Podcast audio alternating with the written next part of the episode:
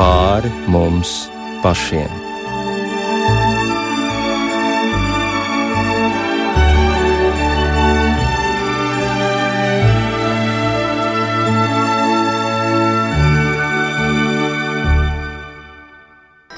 Esiet sveicināti šajā vakarā, redzījumā pāri mums pašiem.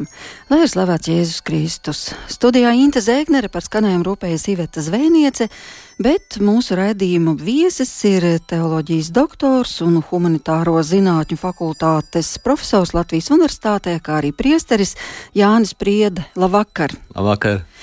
Mēs turpinām piedzīvot adventa laika ritējumu un interesanti, ka Kamēr Jēzus nebija piedzimis, neviens taču šo laiku acīm redzot nesauc par adventu, bet tik un tā pasauli noslēpumainā veidā gaidīja kādu lielu notikumu. Varbūt, ka tā varētu sacīt, bet kā pasaule nonāca līdz idejai vai nojausmai par to, ka ir jānāk pasaulē kādam glābējam, ka kaut kam ir kardināli jāmainās.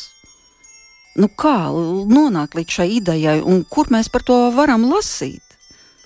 Cilvēks ir pieradis gaidīt, var teikt, mātes klēpī, viņš gaida savu piedzimšanu, bet uh, cilvēcē dažādās pasaules daļās, dažādās arī reliģijās šī ideja par glā, tādu uh, glābēju, nu, tā ir klāt, šī ideja ir klātesoša.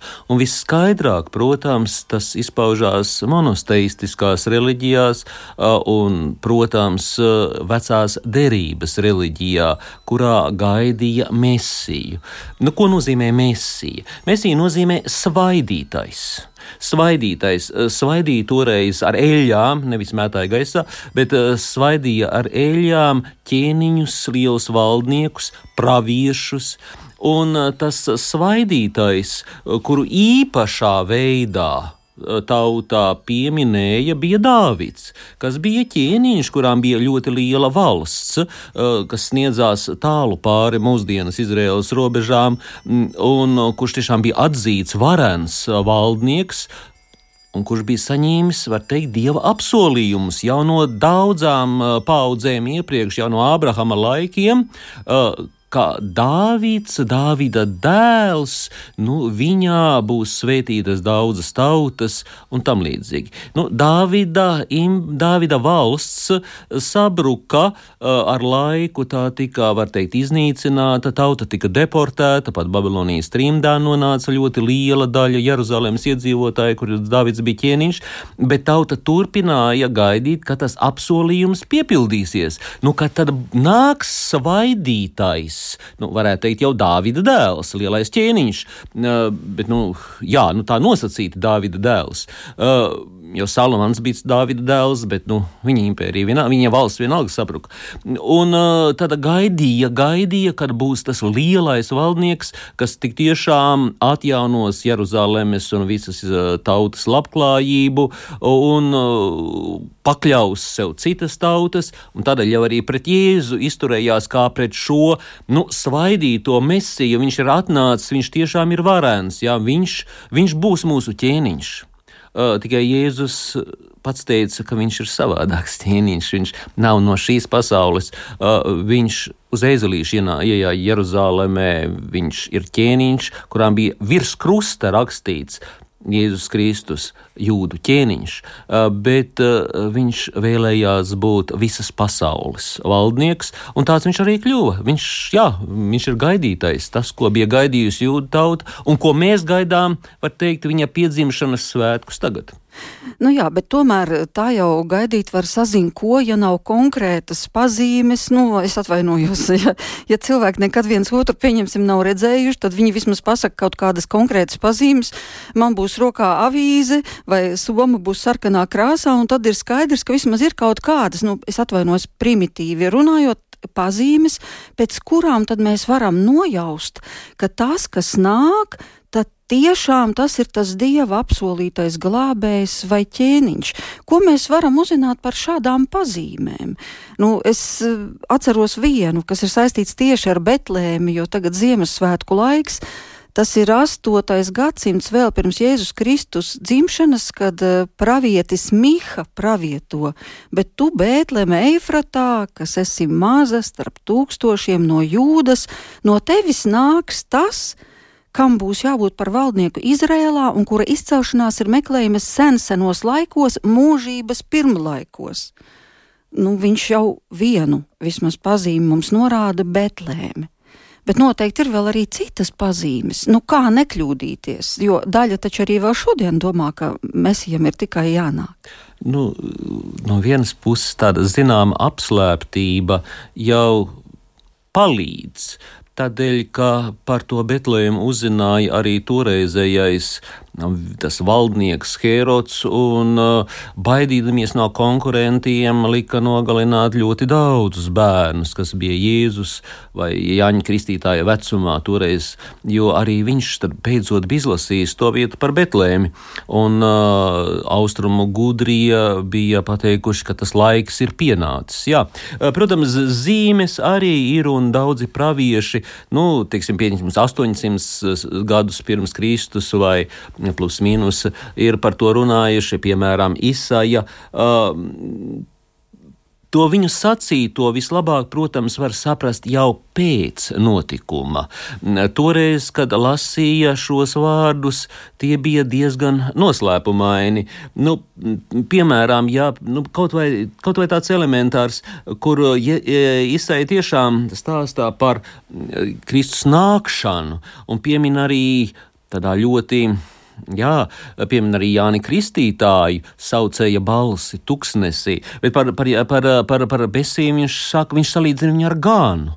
Viņš saka, redziet, tie ir jūsu dievs. Tātad mesija Dievs. Ja? To, to toreiz īsti cilvēki nesaprata. Uh, no otras puses, viņš saka, viņš nāks ar lielu varenību, viņa alga pie viņa, kā gans viņš ganīs savu ganāmo pulku, ja viņš ņems jēru savās rokās un to nesīs savā klēpī un sargās avju mātes. Gans Jā, kā saprast to, ka Mēsija no vienas puses dievs, no otras puses gans, nesīs auju, ja, auju mātes un jērus rokās, nu tikai pēc tam, kad Jēzus pats pasaka, es esmu labais gans, un uh, kad mēs tiešām redzam, kā viņš rūpējās par savām avīm, un kā viņš Pēterim saka, pēc tam gani manas āvis, tad mēs redzam, kā tas uh, Isaijas pravietis savietojums ir saprotams. Bet, ja mēs runājam par šo uh, gana tēlu, tad uh, nu, par ganu var iztaisīties, nu, mēs zinām, sliktais gans, labais gans. Nu, ja, nu, es domāju par tādiem viltus praviešiem vai viltus mesijām, kas varētu būt nākuši pasludinot, bet ir kaut kādas ļoti specifiskas pazīmes, par kurām arī vēl runā Jesaja ilgi pirms Jēzus nākšanas pasaulē. Viņš saka to, redzi, jaunava kļūs grūta un dzemdēs Dievs dēlu. Jā, protams, un tas ir ļoti skaidri, jo, ja viens otrs grib uh, izlasīt to vietu, kā uh, jauna sieviete nu, dzemdēs bērnu, tad kas tas būtu par brīnumu? Pasaulē katru mirkli ļoti daudz jaunu sieviešu tiešām dzemdē bērnus, nekāda brīnuma tur nav. Bet kā jauna, jaunava dzemdēs bērnu, tas tiešām ir tāds brīnums nu, kas ir brīnums līdz šai, šai dienai. Tā kā tādas zīmes, protams, un viena no tām zīmēm ir Jānis Kristītājs. Jānis Kristītājs, kopā ar kuru pravieši teica, saucēja balss tuksnesī, un ka šī saucēja balss uh, sauks, ka dariet taisnas viņa takas, sataisiet kunga ceļu dariet taisni viņa takas, un pēc tam arī, protams, kā kalni un pauguri, lai tiek nolīdzināti, ielietas piepildītas. Nu, ko nozīmē dariet taisnas viņa takas? Ja? Tas ir, ja, un ko nozīmē šī saucēja balss tuksnesī? Saucēja balss, kura nāks spēkā, nu, Elijas spēkā uh, un, un, un varenībā. Jānis Kristītājs, un Jānis Kristītājs jau arī būs tas, kurš ļoti skaidrā veidā, nevairs tā kā pravieši, varbūt tādos tēlos, poētiskos, nu labi, vietas nosaukumos vai tam līdzīgi apraksta Jēzu, bet Jānis Kristītājs jau ļoti skaidri parādīs uz Jēzu Un, lai to izdarītu, Jānis Kristītājs sapulcināja tautu. Nebija tā, ka viņš kaut kur tur klusumā sēdēja un, un, un, un tā teica, nu redzi, laikam jau Mēsī tā kā būtu piedzimis. Nē, viņš sapulcināja tautu un ne tikai sapulcināja, bet sagatavoja tautu, lai tā tiešām varētu nu, atzīt, pieņemt uh, to, ko nes Jēzus, to, ko Jēzus dāvā. Jā, par to mēs vēl pēc brīža parunāsim, un uh, tur ir ļoti daudz noslēpumainu un arī pārdabisku zīmju, kas ir saistīti arī ar Jāņa Kristītāja piedzimšanu.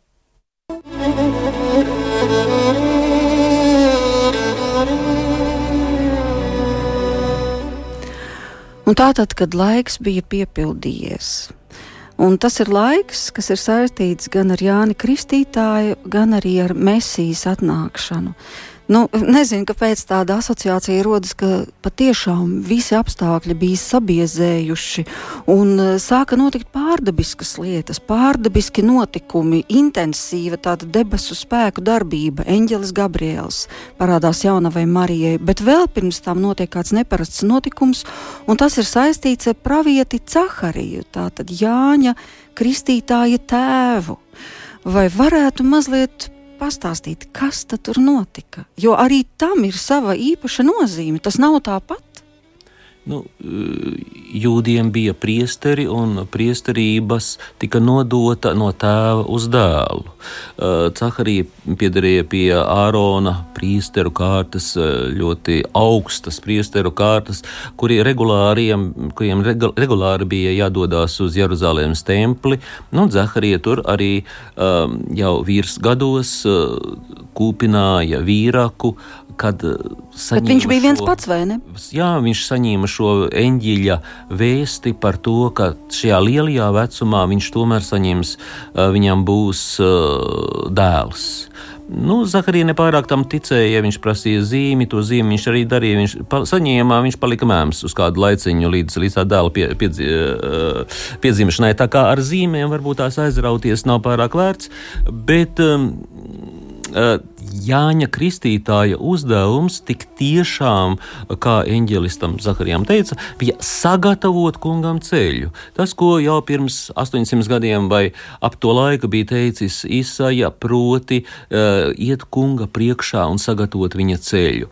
Un to arī, to arī Jānis Kristītājs darīja. Protams, tur pa starpām bija dažādi tādi notikumi, kur Herods nogalina ļoti daudz bērniņus, un gan Jēzus spiests, teiksim, Jēzus Auģu tēvs Jāzeps un Marija ir spiests doties uz Eģipti kopā ar Jēzu.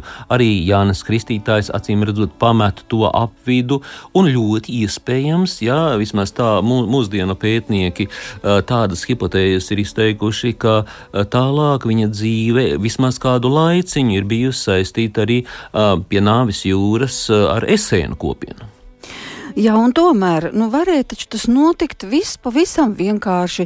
Caharijas spēcīgs vīrs, viņam piedzimst bērns, bērnu nosauc par Jāni, Jānis sāk sludināt, bet nē, viss ir ar kaut kādu konkrētu noslēpumu. Es to gandrīz vai redzu tā kā filmu, ka viņš stāv tur, kvēpina, ierauga eņģeli. Eņģelis pasaka kaut ko neiedomājamu, ka viņam, viņa vecumā un Elizabete neauglīga sieva jau gados var piedzimt bērns.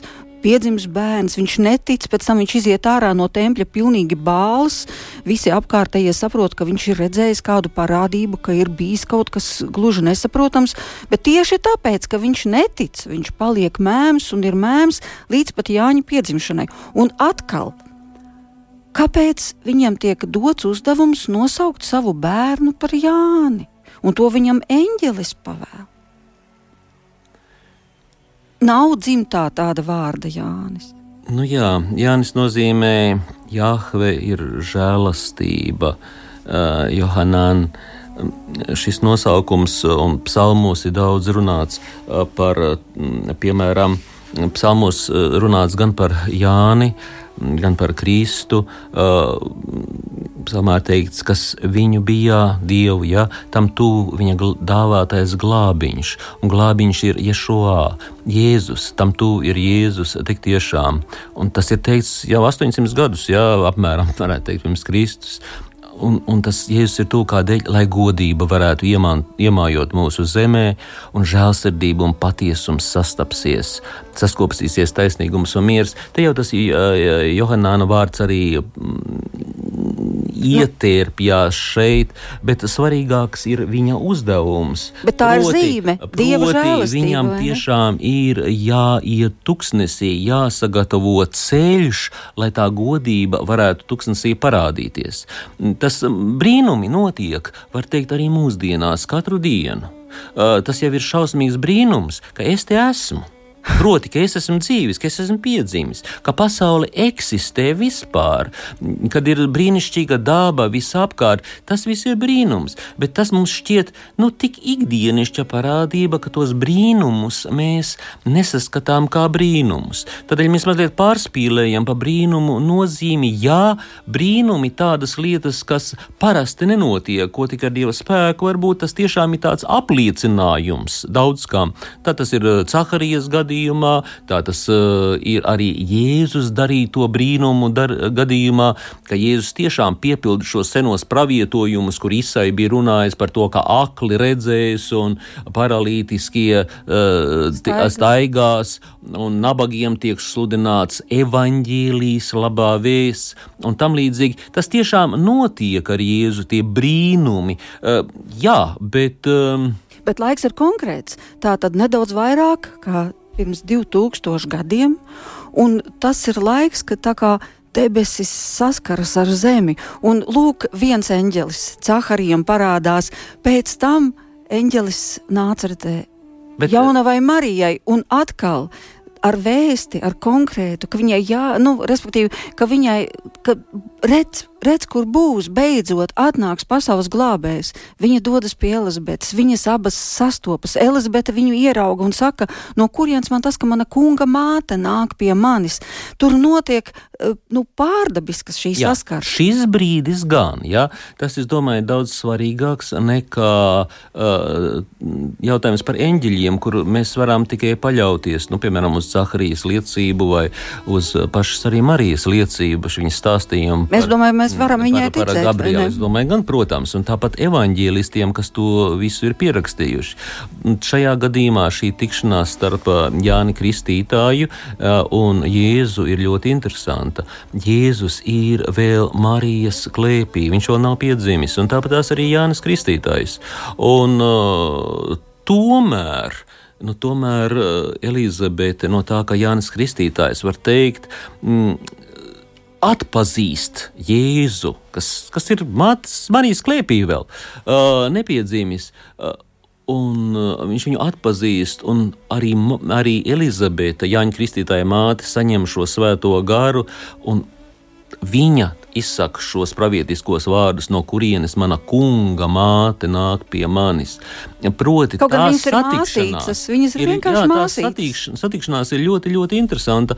Tā ziņā, ka mēs svinām, uh, baznīcā svin uh, svēto dzimšanas dienas, un tās dzimšanas dienas ir viņu piedzimšana debesīs. Īstenībā viņa nāves diena, kad svētais Francisks, piemēram, ir mīris, nu tad, tad tā ir viņa dzimšanas diena debesīs. Bet, ja gad, Jēzus gadījumā, gadījumā viņš pienāk pasaulē bez grēka, protams, jo viņš ir Dievs absolūtais. Mēs svinām Ziemassvētkus, viņa dzimšanas dienu. Tāpat tās Marijas gadījumā mēs svinām Marijas dzimšanas dienu, jo arī viņu, viņa dvēs, viņas dvēseli Dievs ir radījis tādā īpašā veidā, kā no absolūti tīru trauku. Viņas dvēseli ir kā absolūts tīrs trauks, lai tajā varētu nu, būt mm, Jēzus uzturēties šos deviņus mēnešus Marijas klēpī tīrās dvēseles vidū, grēka nepiesārņotas dvēseles vidū, tāda ir Marijas dvēsele. Absolūti tīra un tāda kļūst. Jāņa dvēseli tajā brīdī, kad viņš satiek, satiek Jēzu, vēl būdams Elizabetes eh, miesās. Un, un, un jāsaka tā, baznīca, tas ir trešais cilvēks, Nu, Jēzus ir cilvēks un dievs. Jā, tas ir Jānis, ir trešais, kura dzimšanas dienu mēs svinām. Ne tikai nāves dienu, bet arī dzimšanas dienu. Tā kā Jānis tiešām kļūst svētā garā pilns tajā brīdī, kad viņš satiek Jēzu, un tālāk viņš tiešām ir priekštecis. Viņš visu savu mūžu pēc tam jau sludinās Jēzus nākšanu. Jā, jūs sakāt, jā, zīmes, zīmes, tas tā, bet ik pa brīdim, nu, tie ir tādi tā kā uzplaiksnījumi. Es atceros vēl vienu epizodi, kad jau Jēzus maziņš ir piedzimis un viņš tiek nests uz templi, lai tur up upurētu debesu tēvam. Mēs varam iedomāties, cik templī ir cilvēku, tur notiek darbība, iekšējie pagalmi, ārējie pagalmi. Un, un pēkšņi pravietis, vecs, sirds, cienījumos gados Simeons, viņš sajūt, ka viņam ir jāskrien uz templi, jo tieši tur šobrīd ir atnests zīdainis, kas izglābs pasauli. Un arī par to mēs varam lasīt svētajos rakstos. Jā, un tā ir tāda zīme, kas notiek ļaužu pulka vidū. Ja? Un līdz ar to tā ir ļoti uzticama, jo tie acu liecinieki jau to atcerējās un apraks, varēja aprakstīt, un tādā veidā arī evaņģēlijos tā ir atainot. Bet, kā jau es teicu, vēl lielākus ļaužu, pulckus, ļaužu pūļus pēc tam pulcināja Jānis Kristītājs. Tur jā, tuksnesī. Jā, un pēc brīža mēs tad parunāsim par to, kā tas notika. Jā, es domāju, ka Caharijas namā tie bija ļoti lieli svētki, kad nāca šis pirmdzimtais Johanāns pasaulē un vēl nespēdams runāt, tēvs uzrakstīja viņa vārdu, kā tad sauks šo jaundzimušo bērnu. Acīm redzot, ir tāda versija, kā arī viņš ir dabūjis slēpties no Hēroda kopā ar Elizabeti, jo arī bija tajā vecumā, uh, nu, kurā Herods gribēja bērnus nogalināt, nu tad viņš auga, bet galu galā kā tad viņš nonāca līdz tūkstnesim un varbūt arī līdz šai savai misijai? Ir pieņēmums, varētu būt tā, ka Zaharija ir tas, kurš ir nogalināts, ticis nogalināts vēlāk uh, templī. Eh, starp altāri, var teikt, pie netālu no altāra. Mm, tas ir zināms, ka viens Zaharijs tur ir nogalināts, eh, un tāds ir pieminēts arī evaņģīlijā. Iespējams, tas bija Jāņa Kristītāja tēvs, un domas ir, ka tas varētu būt noticis tieši to bērniņu nogalināšanas laikā. Kad nu, meklēja visus iespējamos, tā skaitā Zaharija dēlu. Eh, bet eh, Jānis, ja Jēzus devās ar saviem vecākiem, ja, mm, vai Jēzu veda, aizveda uz Ēģipti, tad Jānis mm, palika, acīm redzot, eh, tajā tuvējā vidē, un tur nepārāk tālu bija Nāves jūras krastā Esēnu kopiena kur iespējams, iespējams tāda hipotēze viņš arī uzauga, jo daudz kas no tā, kā viņš dzīvoja pēc tam, nu, raisa tādas domas par to, ka viņš labi pazina esēnu dzīvesveidu, arī esēnu mācību. Proti, Uh, tikai ka viņš nav bijis varbūt tās uh, nepieņēmis visas idejas, kas bija esēniem. Jo esēni devās projām no Jeruzalemes, saskatot visu to uh, drausmīgo korupciju, kādas valdībā mēdz būt uh, dažādos laikmetos, un uh, esēni izveidoja nelielu šo kopienu Nāvis jūras krastā. Tuksnesī, pamatojoties praktiski uz uh, izsajas to pravietojumu, par um, saucēja balss, bet to pravietojumu viņi lasa savā veidā. Viņi lasa saucēja balss. Tuksnesī satāisiet kungam ceļu. Nu, tad viņi devās uz tuksnesi, izveidoja, Tāpēc, izveidoja tad, šo kopienu, lai gaidītu mesiju. Proti, lai gaidītu kungu. Arī viņi. Savukārt, jā, nu, mm. jā, un savukārt Jānis, kurš, kurš iespējams tad uzturējās pie esēniem, jo esēni jau tur dzīvoja kādus 150 uh, vairāk gadus pirms, uh, pirms Jānis piedzima. Uh, un esēni tur izbeidza savu uzturēšanos 70. gadā pēc Kristus. Bet tātad Jānis uh, iespējams auga pie viņiem, un Jānis šo izsajas vietu lasīja savādāk. Nevis uh, saucējā balss Tuksnesī sataisiet kunga ceļu, bet um, Jānis to lasīja šo vietu, saucēja balss tuksnesī: Sataisiet kungam ceļu! Dariet līdzenas viņa takas. Proti, ne jau tas, ka būtu jābēg projām tuksnesī, izveidu, un tur jādzīvo, izveidojot kopienu un gaidot mesiju, ar kuru kopā varētu doties uz Jeruzālēmi, lai nodibinātu beidzot kārtīgu valdību un valdītu varbūt par visu pasauli, jo mesija jau valdīja šot par visu pasauli, tā domā iesēni, bet Jānis teica, nē, es izsājies sākā saucēja balsu saucēja balss ir tuksnesī, un tā saka visiem. Itin visiem satājusiet kungām ceļu un, un dariet taisnu viņa takus. Un tādēļ Jānis, kad viņš jau pieaugās, viņš netālu no tā nāvis jūras, uh, jor, pa Jordānu, var teikt, mazliet Jordāna ietek nāvis jūrā un uh, nāvis jūras ziemeļos. Un tad uh, kādus 10, apmēram 15 km no Jordānas ietekas nāvis jūrā, tur bija brasli. Tādi brasli, pa kuriem gāja pāri lielie tirdzniecības ceļi. No Āfrikas, no Āzijas tirgotāji nepārtraukti plūda, un var teikt, tā bija tāda vieta, kā, nu, nu, kā Frankfurtas lidosta, kur, kur viss vis ceļš krustojās. Un Jānis tur sludināja eh, šajā, var teikt, no vienas puses tūkstošajā vidē, kur tiešām visas tautas gāja, eh, vai tirgotāji, vai ļoti daudz šīs karavānas garām, un uh, tur viņš sludināja šo nepieciešamību atgriezties, sagatavot kungam ceļu, jo Jānim bija skaidrs, ka nav jādzīvo tā, kā esēni dzīvoja. Nu, esēni, protams, godīgi centās pārrakstīt svētos rakstus, mums ir kumranas, šie uh, kumranas uh, tīstokļi un tā mm. tālāk. Tas ir ļoti, ļoti svarīgi, bet uh, esēni gaidīja mēsiju mazliet savdabīgā veidā. Jānis viņu gaida jau tā, kā mēs saprotam šo svaidīto, un Jānis tada sapulcējušos ļaužu pūļus. Kādēļ? Jo pie Jāņa izgāja ne tikai tie tirgotāji, kas tur gāja pa tiem ceļiem, bet pie viņa devās iedzīvotāji no Jeruzalemes, no Jūdas pilsētām, no visurienes. Kādēļ?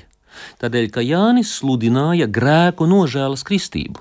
Bet kam tad ir jānotiek, lai viens cilvēks, kas ir ģērbies diezgan trūcīgā uh, kameļu spalvu vai laikam tā, tādā apģērbā ar ādas jostu un kurš pārtika tikai no medus un siseņiem, lai pēkšņi, kā rakstīts ir uh, svētajos rakstos, visa Jeruzāleme, visa Jeruzāleme, tas tā kā visa Rīga tagad izietu pie kāda un viņam prasītu, ko mums darīt, lai izglābtos? Tad kam bija jānotiek gaisos, lai vienkārši būtu šis satricinājums? Nu, viņš bija harizmātiska persona. Ja? Pie harizmātiskām personām tiešām cilvēki labprāt klausās nu, lieliskus, var teikt, uh, sludinātājus, vai varētu teikt, lieliskus aktierus, iet skatīties filmās, kriet uz teātriem uh, un tā tālāk. Proti, ir tādas uh, personas, bet ja tā ir dieva dāvana, jo par uh, kristītājs saka, viņš nāk tā senā pravieša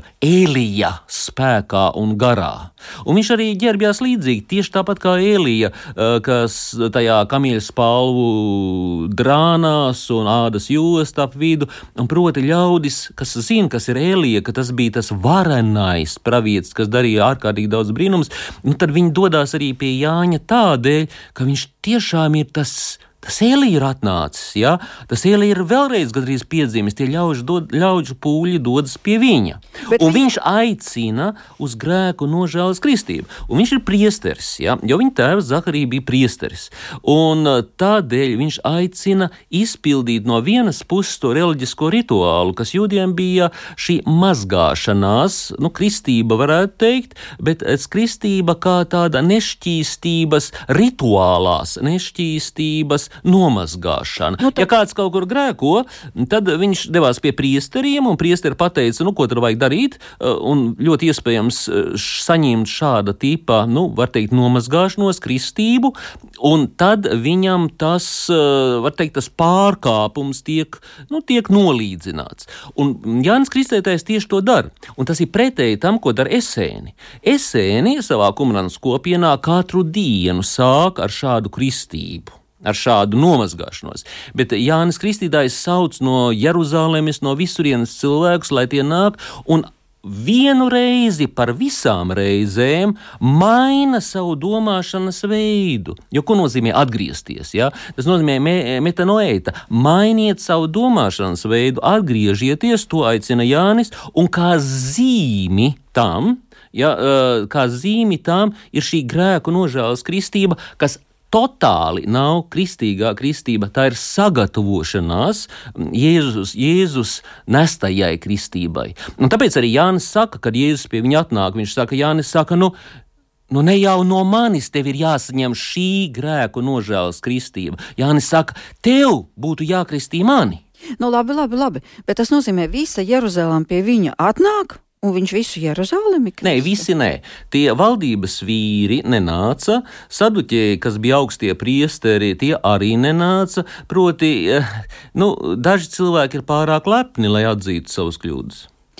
Nu, un šis eh, veids, kā viņš eh, šos cilvēkus uzrunāja, viņš viņus uzrunāja ļoti skarbi. Viņš sauca jūsu dzimumu, jūsu, arī, jā. jūsu oģu dzimums, kas jūs mācīja izbēgt no topošās dusmības.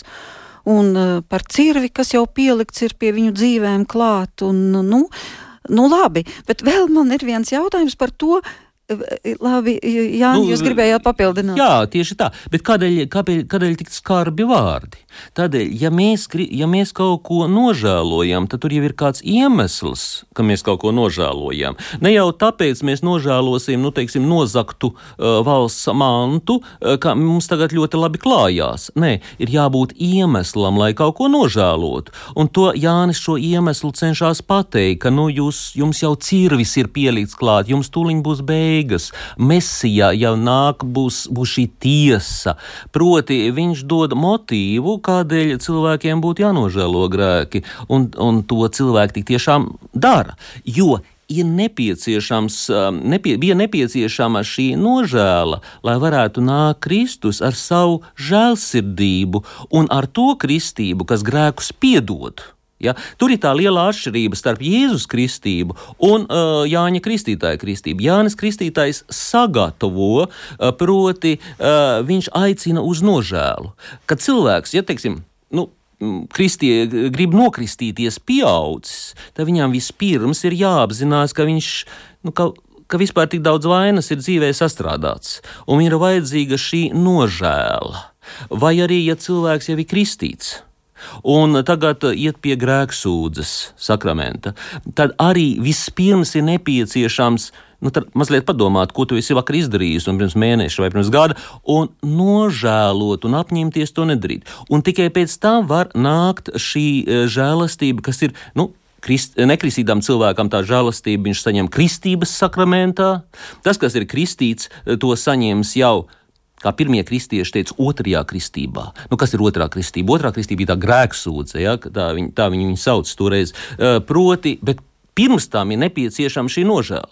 Un Jānis to nožēlu organizē masveidā, lai, lai tiešām masveidā ļaudis no Jūdejas, no Jeruzalemes varētu nu, saņemt to, to, ko piedāvās Jēzus. Un ne tikai to izdara Jānis. Jānis vēl pie tam parāda uz Jēzu. Tajā brīdī viņš parāda uz Jēzu un pasaka, lūk! Lūk, lūk, dieva jērs. Un tieši tas jērs bija tas, ko tauta gaidīja. Bet viņi bija brālēni abi divi. Nu, kā šo faktu vispār skaidrot? Nu, iedomājieties, tagad mans brālēns, mans brālēns Mēsija Es nezinu, kā, kā tas nu, tomēr viņus saistīja ļoti ciešas radniecības saites, jo viņu mammas bija taču, nu, respektīvi, māsīcas. Nu, mēs domāju, domāju, ka mēs varam tikai priecāties, eh, ka Jānim Kristītājam, ja grieķiski Joannes, nu, tas, um, viņam nesakāpa galvā. Uh, viņš apzinājās, var teikt, ka viņa uzdevums ir izpildīt, tas, izpildīt to, ko pravieši bija teikuši, ka viņš ir saucēja balss, kura sagatavo kungam ceļu. Un viņš labi apzinājās, ka kungs ir tas, ko, nu, ko viņš satika vēl būdams savas mātes sklēpī, Elizabetes sklēpī. Viņš labi apzinājās to Jēzus gan cilvēcisko dabu, gan viņa dievišķo dabu. Un tādēļ arī viņš sākā, ka nu, es neesmu cienīgs tavas uh, sandaļu siksnas atraisīt. Vai viņš sāka, um, man ir jāsaņem kristība no tevis, bet kāpēc tu nāc pie manis? Un viņš arī sākā citu reizi, ka man Man Jānim jā, jāiet mazumā, bet tev, tev, Kristu, tev ir jāiet lielumā. Protams, viņš labi zināja, ka Kristus uh, Kristus kristība tiks nesta un piedāvāta tautām visā pasaulē un visos laikmetos un gadsimtos, tā skaitā arī Latvijā un arī 21. gadsimtā.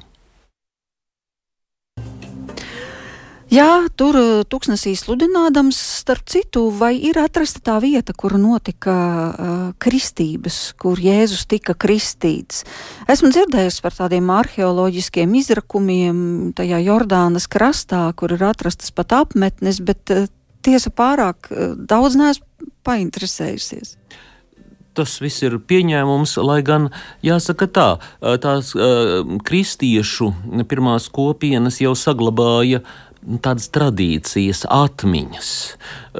Reizēm tās atmiņas varēja būt mazliet maldīgas ar laiku, pēc gadsimtiem, bet nu, šādas atmiņas ir saglabājušās. Kā jau es teicu, tā vieta, kur Jānis Kristība bija apmēram 15 km augšpus no Jordānas ietekas Nāvis jūrā.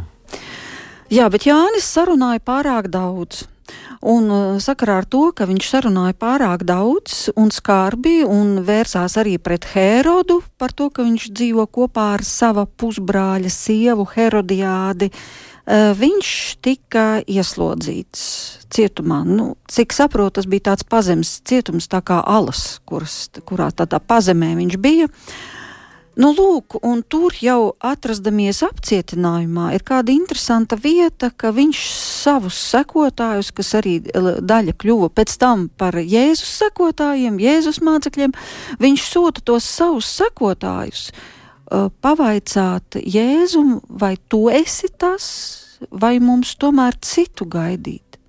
Mani šī vieta vienmēr pārsteidz. Nu, viņš ir tikko aicinājis visus un, un apliecinājis, ka rekur ir pasaules glābējs, cita nebūs. Un tagad atra, atrodamies cietumā, viņam pēkšņi uznāk šaubas. Nē, jo mēs jau, jau teicu, no paša sākuma viņš ir tas, kurš rāda tur pie Jordānas uz Jēzu un saka, lūk, Dieva jērs. Un atkal zīmes, brīnišķīgais, uh, tas, ko mēs bijām gaidījuši, ko kopš Ābrahama laikiem šo jēru gaidījuši, tas ir Dieva jērs. Un viņš Bet norāda arī uz saka? Jēzus, Jēzus likteni. Viņš ir, viņš ir jērs, kas tiek upurēts par mums viņš uzņemās šo nāvi krustā. Taču uh, tas te runa par to, ka viņš rāda cilvēkiem, proti, un tajā brīdī, kad viņš rāda un saka, lūk, Dieva jērs, Andrejs. Uh, taču Andrejs saka, jā, saprot, ka Jānis ir parādījis uz Jēzu un sāk sekot Jēzum. Un Andrejs, apustulis Andrejs, viņš pēc tam pasauc Pēteri, un tad, tādā veidā var teikt, viņš tik tiešām Jānis Kristītājs mēs varam redzēt, kā pulcina Jēzus sekotājus jau toreiz un uzreiz. Bet cietumā... Un tas laiks jau neko nemaina. Bet kāpēc viņš cietumā tā saka, vai viņš... tu esi tas, jā, vai mums tāpēc, ka bija ļoti daudz Jāņa mācekļu. Proti, bija ļoti daudz tie, kurus Jānis bija kristījis. Jau vēl daudzus gadu, vai vairākus gadu desmit pēc tam, piemēram, apustulis Pāvils ceļodams un, un sludinādams mūsdienu Turcijas teritorijā, kapstuļu grāmatā, darba grāmatā mēs lasām satiek Jāņa mācekļus, kuriem ir bijusi tikai Jāņa kristība, un, un kuri tagad kļūs par, var teikt, Jēzus mācekļiem, ap, apustuļa, kuriem apustulis Pāvils stāst par Jēzu. Taču šajā gadījumā, tad, kad m, mm, tiešām Jānis Kristītājs bija aizskāris nu, valdošā nāma um, intereses un runājis par to, ka uh, Herops Antipa, nu, tas uh, lielā Heroda um, dēls, uh, kuram bija daļa no šīs zemes, piederēja, uh, ka tas pārkāpja uh, jūdu likumu un uh, dzīvo uh, laulībā ar savu brāļa vai pusbrāļa um, sievu, uh, nu, kas, kas nav laulība. Ja? Nu, tad, ka viņš smagi grēko, nu, tad, protams, tas bija iegans kādēļ vai iemesls, kādēļ viņu var ielikt cietumā. Uh, bet, bet šis jautājums? Bet šis jautājums, kādēļ? Tādēļ, ka tiem ļoti daudzajiem mācekļiem, ko es pieminēju, kas bija gan Turcijā, gan Uh, mūsdienās šie mācekļi vēl viens otrs ir Irānas un Irakas teritorijā, nelielas tādas grupiņas. Tad šie mācekļi bija ļoti daudz. Un viņiem bija tiešām tas jautājums, gaidām vēl kādu, vai varbūt kā Jānis ir tas, ja, mūsu pēdējais pravietis, viss vai varbūt tās tomēr vēl kādu citu gaidīt pirms mesijas. Ja? Kas tad ir tas mesija, kas tad ir? Un Jānis no cietuma nevarēdams vairs ar pirkstu parādīt, ja tiem saviem mācekļiem, var teikt, lūk, dieva jērs, viņš viņiem norāda uz zīmēm. Ja, kādī, kādā ziņā? Viņš saka, nu, ejiet, uh, ejiet uh, un, un, un jautājiet, pajautājiet paši to Jēzumu. Vai citu gaidīt. Ja?